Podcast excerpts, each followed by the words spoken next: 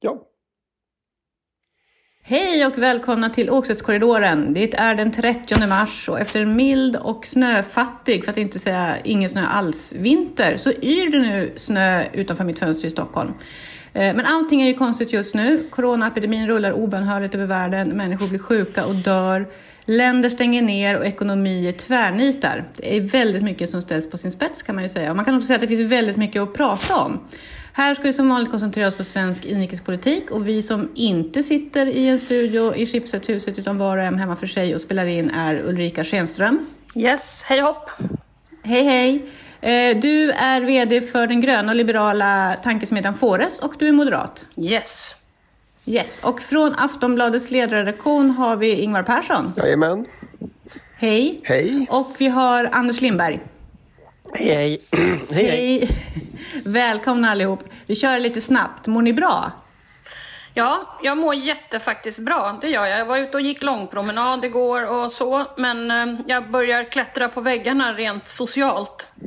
Ja, ja, det är prövande tider för sociala djur. Ingvar, mår du bra? Ja, hyggligt måste jag säga. Jag har lite problem med pollen och det är ju liksom jättestökigt i de här tiderna eftersom Ja. alla blir liksom tittar så himla skumt på en om man... Man vill skulle- inte ha några luftvägsproblem just nu kan man säga. Precis så är det. Anders då? Nej men jag är faktiskt förkyld så jag är, är inte, jag är liksom total isolerad här hemma så jag går inte ens ut. Ja, nej. Ja, det är Men jag brukar vara det typ jag mars, få- april. Jag måste bara förklaga lite tillsammans med Ingvar. Jag har också pollenproblematik så att du vet.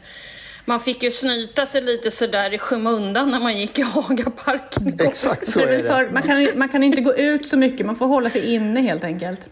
Ja. Ja, men vi ska prata politik och allvarliga saker. En timme innan vi började spela in det här så kom det nya varselsiffror från Arbetsförmedlingen. Det var de högsta i modern tid. Det var värre än under finanskrisen 08 och det var värre än 90-talskrisen. Varslen har fördubblats på en vecka. Under mars månad handlar det nu om 36 800 personer, vilket är ungefär tio gånger så många som det var mars 2019. Eh, senare idag håller regeringen en pressträff. Man tror att de ska komma med förslag om a-kassan möjligen. Vad hoppas ni på att regeringen ska föreslå? Ingvar? Jag tycker att man måste göra någonting åt försörjningen för de här människorna. För det är ju dessutom så att de här 36 800 är bara toppen på ett isberg. Det är ju jättemånga som, som har haft timanställningar och som har fått gå hem nu helt enkelt. Så att, eh, Eh, det är jättemånga människor som inte kommer att få, få någon försörjning. Det är det första. Det andra är att man måste göra jättestora satsningar på arbetsmarknadspolitik. Eh, folk kommer att bli arbetslösa.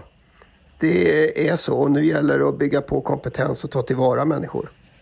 Mm. Ulrika, vad säger du? Jag pratar runt lite grann med sådana här människor som kan sånt här på riktigt och eh, de sa oavsett bakgrund eh, så sa Go big, go fast, keep the light on. Jag tror att man inte ska göra små mesyrer här nu utan nu måste man liksom slå till stort. Och det är det jag Vad kan tror det vara egentligen då? är. Men det tror jag är det här som Magdalena har varit ute med eh, om att staten går in och eh, hjälper företagare. Ja, vi ska återkomma till det. För att jag tror att det Eh, där är ju en jätte, jättegrej. Och eh, jag tror att det är bättre att slå in på stora saker nu än en massa små saker. Anders, vad tror du om dagens pressträff? Nej men jag tycker det var en ganska chockerande eh, uppgång. Om man liksom jämför med läget nu och sen en månad bakåt så är det ju... Eh, alltså stora delar av svensk ekonomi är ju på väg mot någon slags permafrost-situation liksom. Eh, och jag, jag tror ju både som, som Ulrika och Ingvar säger att liksom, man måste väldigt aktivt gå in nu. Jag, jag gissar att eh, Magdalena Andersson förbereder väl någon sån här närmast eh, beredskapsekonomi. Eh, att man liksom får som en slags krigstillstånd, liksom, att man får ekonomin att fungera liksom, utan de normala funktionerna som brukar finnas. Liksom. Och det är en ganska stor inskränkning i marknadsekonomin, så är det ju. Men det- den är ju helt nödvändig.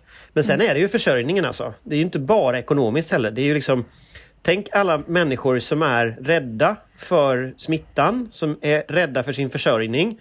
Eh, och, och om det liksom eskalerar två, tre, fyra månader. Det är en helt ohanterlig situation. Så att man måste liksom garantera folks eh, försörjning här. Mm. Ulrika viftade. Ja, nej, men vad jag förstår det så ska man ju egentligen se det där som en enda lång industrisemester och då måste staten gå in och eh, ta tag i det där. Men samtidigt måste det finnas regler för när vi kommer ut ur det här hur företag köper tillbaka sina, alltså företagarna köper tillbaka sina egna företag och så vidare så att de inte hamnar i, i statlig ägo i all evinnerlighet. Jag är ju inte liksom mm. för att staten äger glassbolag och restauranger så att säga men, men det är klart att i det här läget måste man gå in och jag, jag tror att det är bättre att köra på hårt och ordentligt än en massa små eh, fix. Ja, jag tänker, det här kanske är en gnetig fråga, men liksom är alla gamla förslag av bordet nu? Jag tänker när vi står inför massarbetslöshet, tyder ju allting på, på den här eh, pågående reformeringen av Arbetsförmedlingen. Vad, vad händer med sådana saker nu? Det är nog på is, ligger nog på is. Det här måste ja. tas tag i först och främst, eller hur? Det är ju eh, självklart. Den, ham den hamnade ju på is av politiska skäl, men jag menar nu är det ju så uppenbart fel sak att syssla med. Eh, det kommer att behövas alla resurser, också de privata företag som hade bespetsat sig på, på att få de här kontrakten.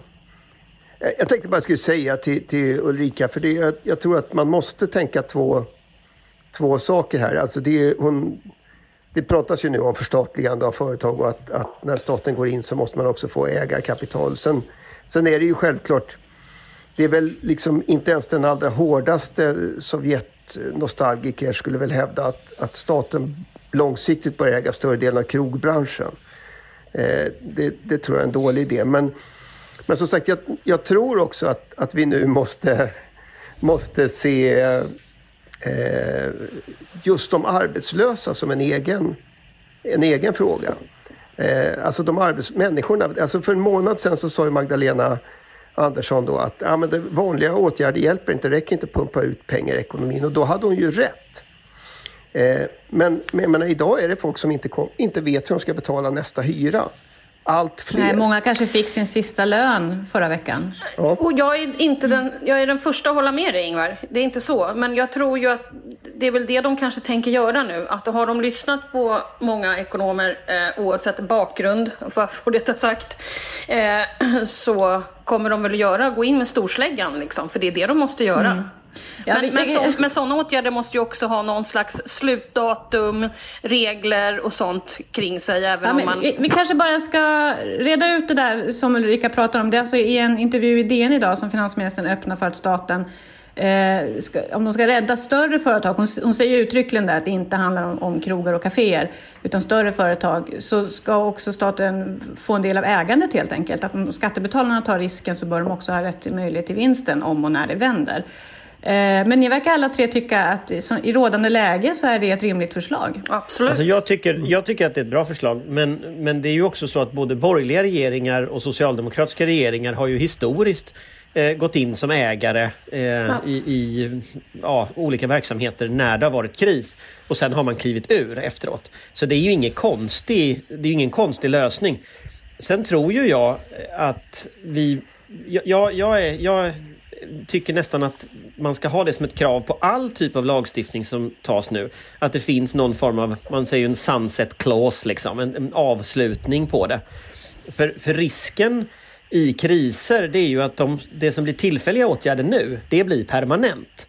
Och tittar man tillbaka liksom på, på ekonomisk historia så är det ju väldigt ofta i kriser som så nya system har etablerats som sen inte har försvunnit. Och, och, där tror jag det är väldigt viktigt att man tänker just att hur länge varar det här? När tar det slut? Eh, och så va. Eh, mm. an, och, och, det gäller ju också så inskränkningar i fri och rättigheter och såna saker. Det måste också ha ett slut. Liksom. Det kan inte bara etablera att staten ska ha övervakning hur mycket som helst. Liksom. Det kan vi inte ha som en ny modell. Liksom. Mm. Ulrika först och sen Ingvar. Ja, nej, men det är ju precis exakt det jag sa. Alltså, det ska ju bli intressant att se vad det är de sätter för slutdatum, hur, hur långt. Jag menar, det kan ju bli en uppföljning på den eller en förlängning i så fall. Men det måste ju finnas några regelverk kring så att man inte Alltså de företag som sen, eh, alltså hur man får företagarna att köpa tillbaka sina bolag så att säga.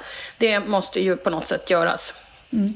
Sam, ja, samtidigt så ska man väl också säga det att jag har inget, inget problem med det här att, vi, att man liksom avslutar krisåtgärderna. Men jag tror inte att man alltid kan lita på att vägen tillbaka betyder att man går tillbaka till det som var. För vi har ju också Nej. sett svagheter i, i väldigt många system i den här krisen. Och det är klart att Vad de, tänker du på till exempel? Nej, men jag, tänk, jag tänker på arbetslöshetsförsäkringen som, som jag tycker då har eh, behandlats väldigt illa under åtminstone 20 år. Eh, och, och det är ett system som, eh, som är väldigt viktigt även om kriserna inte är så dramatiska som den här. Mm. Nej, och det gäller tänka- ju hela, hela det här just in time-upplägget med eh, försörjning av varor eller läkemedel eller mediciner eller, vet du, eller, eller, eller skyddsutrustning. Det fungerar ju uppenbarligen inte.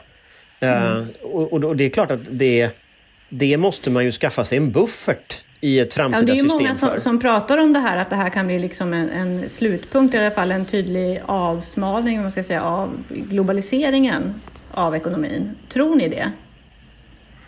Jag tror att det blir en förändring eh, om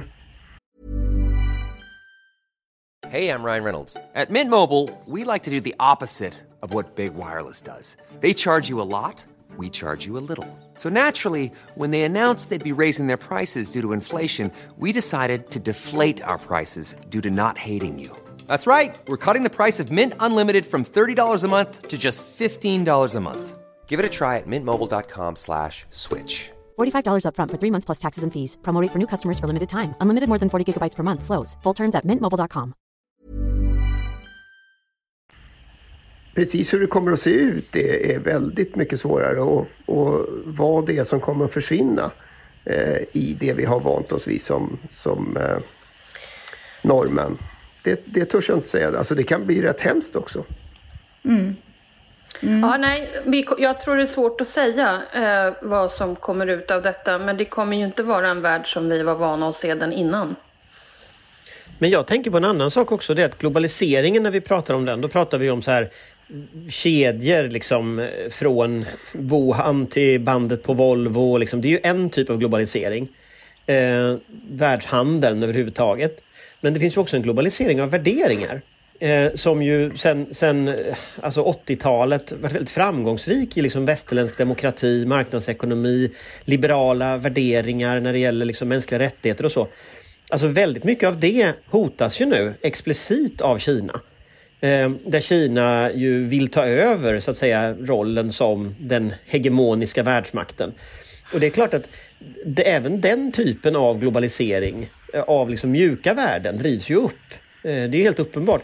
Och nu håller ju Kina på att sprida ut den här propagandabilden av att de har lyckats eh, i sin hantering. Det är ju med all säkerhet inte sant i sak. Men även om det hade varit sant så har det ju skett till priset av att mänskliga rättigheter helt har upphävts.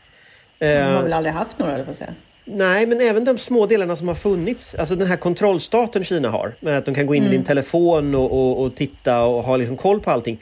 Det har ju andra länder tagit efter nu för att bekämpa corona. Alltså säkerhetstjänster över hela världen har ju fått liksom till, tillåtelse att göra saker som de absolut inte hade tillåtelse att göra innan. Eh, och, och det är klart att sker det så en globalisering av så här ansiktsigenkänning, AI som ska undersöka allas telefoner och sånt. Det är Exakt. klart att det är ju är, det är någon sån dystopisk liksom bild. Och det är ju Vi har ju också utveckling inom EU, bara titta på Ungern eh, där man liksom använder nu coronakrisen för att sätta också mm, rättigheter och lagar ur spel.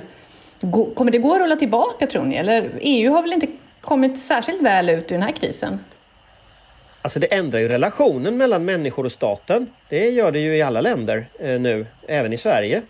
Och, och det är klart att den här auktoritära tendenserna som finns, de är ju, eh, de finns ju också här. Alltså staten ska stänga ner allting, staten ska tvinga och så vidare. Då är vi ändå ett av de friaste samhällena i världen liksom.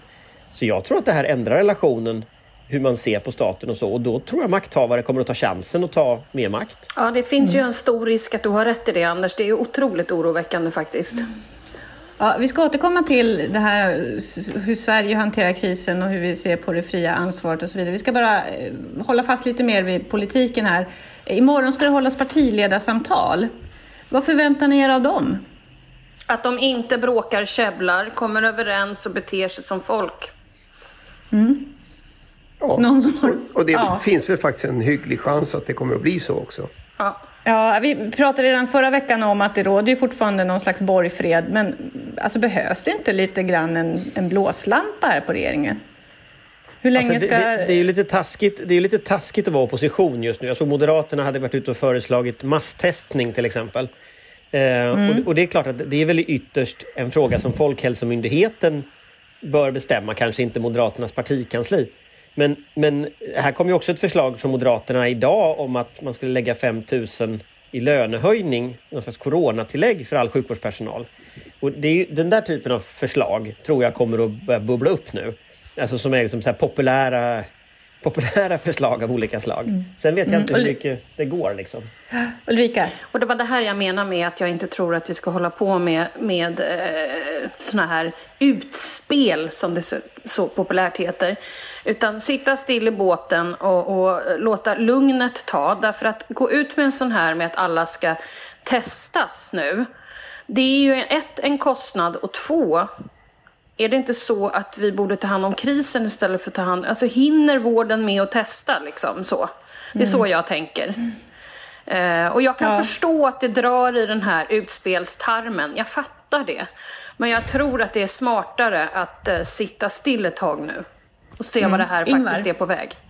Ja, nej men det är väl, jag menar, eh, statsepidemiolog Ulf Kristersson var väl ingen riktig succé. Eh, utan, utan det är väl väldigt bra. Jag, jag menar, det är klart det måste finnas politiska konflikter och, och blåslampor, men de ska ju gärna handla om politik. Det blir liksom rätt dumt med, med politiska debatter mellan oppositionspartier och, och de ansvariga myndigheterna. Ja, eh, ja men det, vi kan ju gå in på det där, därför att mycket av debatten, om vi nu ska, alltså det pågår ju ändå en debatt hela tiden, det handlar ju om hur Sverige hanterar den här krisen. Eh, hur, våra, hur, våra myndigheter och regering då inte ålägger medborgarna samma hårda restriktioner som i andra länder. Och det verkar också verka, väcka uppmärksamhet i andra länder att vi verkar så himla laid back och slappa. Eh, är inte det här ett vågspel av regeringen? Alltså, man, vad, vad hade de att förlora på att gå och göra lite hårdare restriktioner? Skulle inte det kunna in, ge folk lite trygghet? Någon? Ja, politiskt tror jag, tror jag inte de har någonting, skulle ha någonting att förlora på det. Sen är det ju klart att jag menar, vi, vi har ju den andra sidan av debatten också där folk, eh, näringar som drabbas och sådär är jättebekymrade. Så, att det, så är det. Och jag tror inte att det skulle bli effektivare.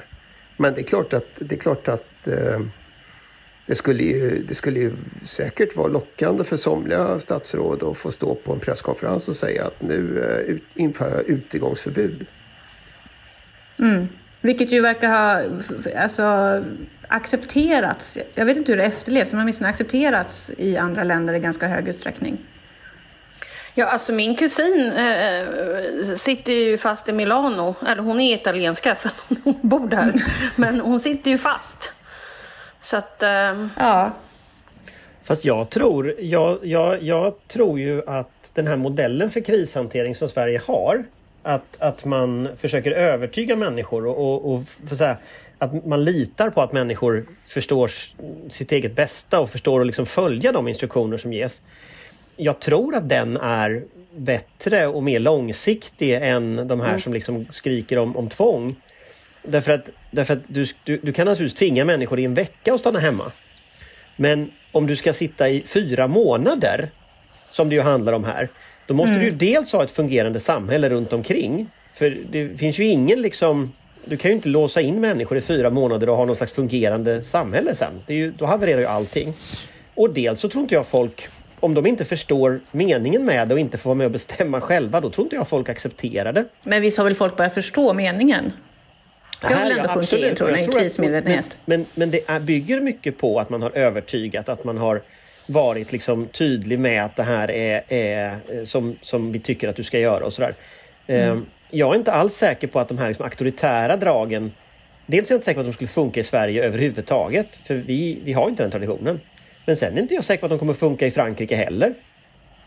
Ja, Ulrika, nu viftar du. Ja, eh, men tänk också så här, de som sitter och skriker på hårdare och alla ska vara hemma från skolan och alla de här som skriker om massa alarmistiska saker. Det är väl de som är väldigt rädda. Är det inte så att de, har liksom, de är panikslagna eh, och handlar inte efter någon slags eh, ja, de, de är för, hysteriska he- helt enkelt och tror att ju mer man skriker högt om hårdare tag så... Men är det så enkelt? Men folk har väl skäl att vara rädda? Det här är en dödlig smitta som vi inte har kontroll över. Man har väl skäl att vara rädd? Ja, fast panik har ju inte lett till någonting som blir bättre. Okej. Eller hur? Utan det är ju lite det här, keep calm and carry on, som de eh, britterna brukar säga. Brukade Ingvar. säga, eh, kanske man. Precis, back in the days. Ja, nej men eh, jag tror att det här Anders säger om tidsutsträckningen är viktig. För jag menar, det, jag, det är nog inte bara Ulrika som klättrar lite på väggarna nu efter, efter de här veckorna. Eh, men, Mm. Då vi ändå inte har utegångsförbud. då vi har fått gå inte ut har och promenera. och sånt. Eh, jag menar, jag, nu Ekot rapporterar från Sicilien där polisen eh, patrullerar gatorna med helikopter och, och har beväpnade eh, insatsstyrkor för att hindra folk från att plundra mataffärer. Alltså sånt där är ju inte riktigt bra heller. Nej, precis. Nej, det kan man lugnt säga att det inte är. Och det är väl det som man på något sätt eh, vi inte riskerar att hamna i eftersom vi har det så här. Utan folk är ganska lugna, man går och handlar, man äter hemma, man köper takeaway, man... Ja. Alltså ni verkar ändå så himla övertygade om att Sverige gör rätt. Om jag förstår det rätt jag, nu. jag, jag tror det. Och jag tror dessutom, jag, jag kan känna den här det börjar bli liksom som ett socialt stigma. Att om man skulle liksom eh, tänja lite på de sociala uppsatta reglerna nu här. Ni vet, ska vi Mm. Ja, åka till ja, det är landet mycket över skamning påsk? nu. Ja. Ska vi åka till landet över påsk? Vi, du vet, kan man göra de här grejerna? Det tror jag kommer att vara socialt oacceptabelt. Och det är där vi har hamnat nu. Även om jag skulle säga så här, ja, nej men nu borde man ju om man är två personer kunna sitta nere på kontoret. Skulle det komma ut så tror jag det skulle vara socialt oacceptabelt. Mm. Så vi, kan, vi jobbar med skam helt ja, enkelt. men det kommer bli skam. Ja, precis. Ja. Coronaskam. Men, alltså, men samtidigt, så här, om Sveriges dödstal när det här är över skulle visa sig vara eh, högre än i jämförbara länder, kommer inte då regeringen att få skulden för det? Jo, Eh, jo. Ja, och det är men- och klart. Så, jo, Ja. självklart. Men alltså regeringen kommer ju att få all krishantering som går åt skogen kommer ju naturligtvis regeringen att få vara ansvarig för. Dem. Det är ju inte Folkhälsomyndigheten som ska ställa upp i nästa val och bli omvald heller. Att Undrar vem klart som att kommer leda Coronakommissionen. Det ska bli väldigt spännande. han den där Hirschfeldt som Jag tänkte ledde Tsunamikommissionen. Hirschfeldt också. Vi hoppas att han sitter isolerad så han kan leda kommissionen sen. Ja, men den, kom, den, den, den, det var ju ett bra exempel på där man... Det, det kostade i och för sig socialdemokratiska regeringsmakten den gången. Men den krishanteringen funkade ju inte. Och, det, och det där är ju en tradition vi Förlåt, har. vilken pratar du nu om? Tsunamin? Ja. Tsunamikommissionen pratar jag om. Som leddes av Men- Johan Hirschfeldt. Ja. Eh, och, eh, nej, men- och jag menar, det är ju en bra tradition vi har att man gör sådana saker öppet. Liksom. Och det är klart att det får man ju, det är ju liksom, det får man göra efter detta. Men just nu, om man tittar liksom på, på hur, hur det funkar. Så jag tror ju inte någon annan krishanteringsmodell fungerar bättre i Sverige just nu än den vi är vana vid. Och det har ju också att göra med att, att det som inte övas i fred fungerar inte i krig, brukar man säga, eh, inom liksom militära. Och samma sak är det ju med kriser. Det här är ju den krishantering vi har övat som människor kan. Det är ganska imponerande i Stockholms sjukvård till exempel att du sätter upp ett helt nytt sjukhus på någon vecka. Alltså, det, det, är- Sverige har ju resurser liksom. Eh, Ja, trots än allt. så länge har ju vården räckt till. Än så länge ska vi säga. Ja. Ja. Och Jag hoppas ju ja. att de lyckas Eh, bygga Men det kan ju kapacitet i tid och komma få fram fler så. restriktioner. Det är ju inte uteslutet. Va? Om folk sköter sig Det i gör det väldigt påsk sannolikt. så kan ju... eh, Vad sa du? Om folk sköter sig i påsk? Jo, men ja. Så tror jag det Eh, jag tänkte bra. på, på eh, pressträffen förra veckan när Löfven var med så, så talade han ju väldigt mycket om det individuella ansvaret. Det var det här när de gick ut med att de sänkte taket för hur många människor man får samlas från 500 till 50. Men som sagt, Löfven betonade ju verkligen individens ansvar i det här. Eh, var det förvånande att höra en sosse prata så mycket om det individuella samtalet, eller ansvaret, förlåt? nej det, det tycker jag inte. Alltså, inte ens idéhistoriskt skulle jag säga. Tvärtom så har väl eh, den svenska arbetarrörelsen, det, det, det där vantolkas och vulgariseras ibland men, men det är ju på riktigt att det finns en eh, väldigt moralistisk tradition i, i svensk arbetarrörelse och i, i svensk arbetarklass också. Som kan verka för vårt bästa nu menar du, den moralismen? Ja, jag menar, ja. det tror jag det har gjort tidigare också emellanåt. Men det är ju det här mm. idealet, den skötsamma arbetaren som man brukade prata om eh, och som ju verkligen var ett socialt ideal. Eh, som ju kanske inte blev jättebra i händerna på Alva Myrdal och, och, och sådär alla gånger. Men, men, men, men det är klart att det, det, finns en auktoritär tradition också i arbetarrörelsen byggd på liksom att du ska göra din plikt och kräv din rätt. Men där betoningen är väldigt stark på gör din plikt. Och det mm. tror jag människor känner igen när en socialdemokratisk ledare pratar på det sättet. Därför att det, det är någonting som liksom genomsyrar det svenska samhället. Så jag tror det där funkar, mm. precis som Ulrika sa, den sociala kontrollen är ju naturligtvis oerhört mycket mer effektiv än en myndighetskontroll. Den sociala mm. kontrollen finns ju överallt. Myndigheterna kan ju bara vara på vissa ställen. Men titta bara på. Facebook nu. Det är ju, det är ju jättemycket social kontroll eh, som börjar komma eh, i alla sociala medier. Så att, eh, Egentligen är vi fortfarande ett brukssamhälle. Ja. Facebook har blivit en liten bruksort helt enkelt. Där Håller koll på varandra. Det, det, det. Ja, men så länge det alltså... funkar, vad, vad tusan, alltså det här, det här, nu är det faktiskt på riktigt så att detta måste funka. Då får man ju ta till de mm. metoder som man vet funkar i ett samhälle. Vi vet att detta funkar i Sverige. Ja, det är bra. Fram med mobbarna! Jag tycker du är lite... Ja, ja, ja, ja. Coronaskam på er. Det där, ja, coronaskam på er. Det där fick bli sista ordet för den här veckan. Tack så hemskt mycket Ingvar Persson, Anders Lindberg och Ulrika Schenström. Vi hörs nästa vecka. Ta hand om er. Nys i alla. Hej då! Hej, hej, hej, hej, hej.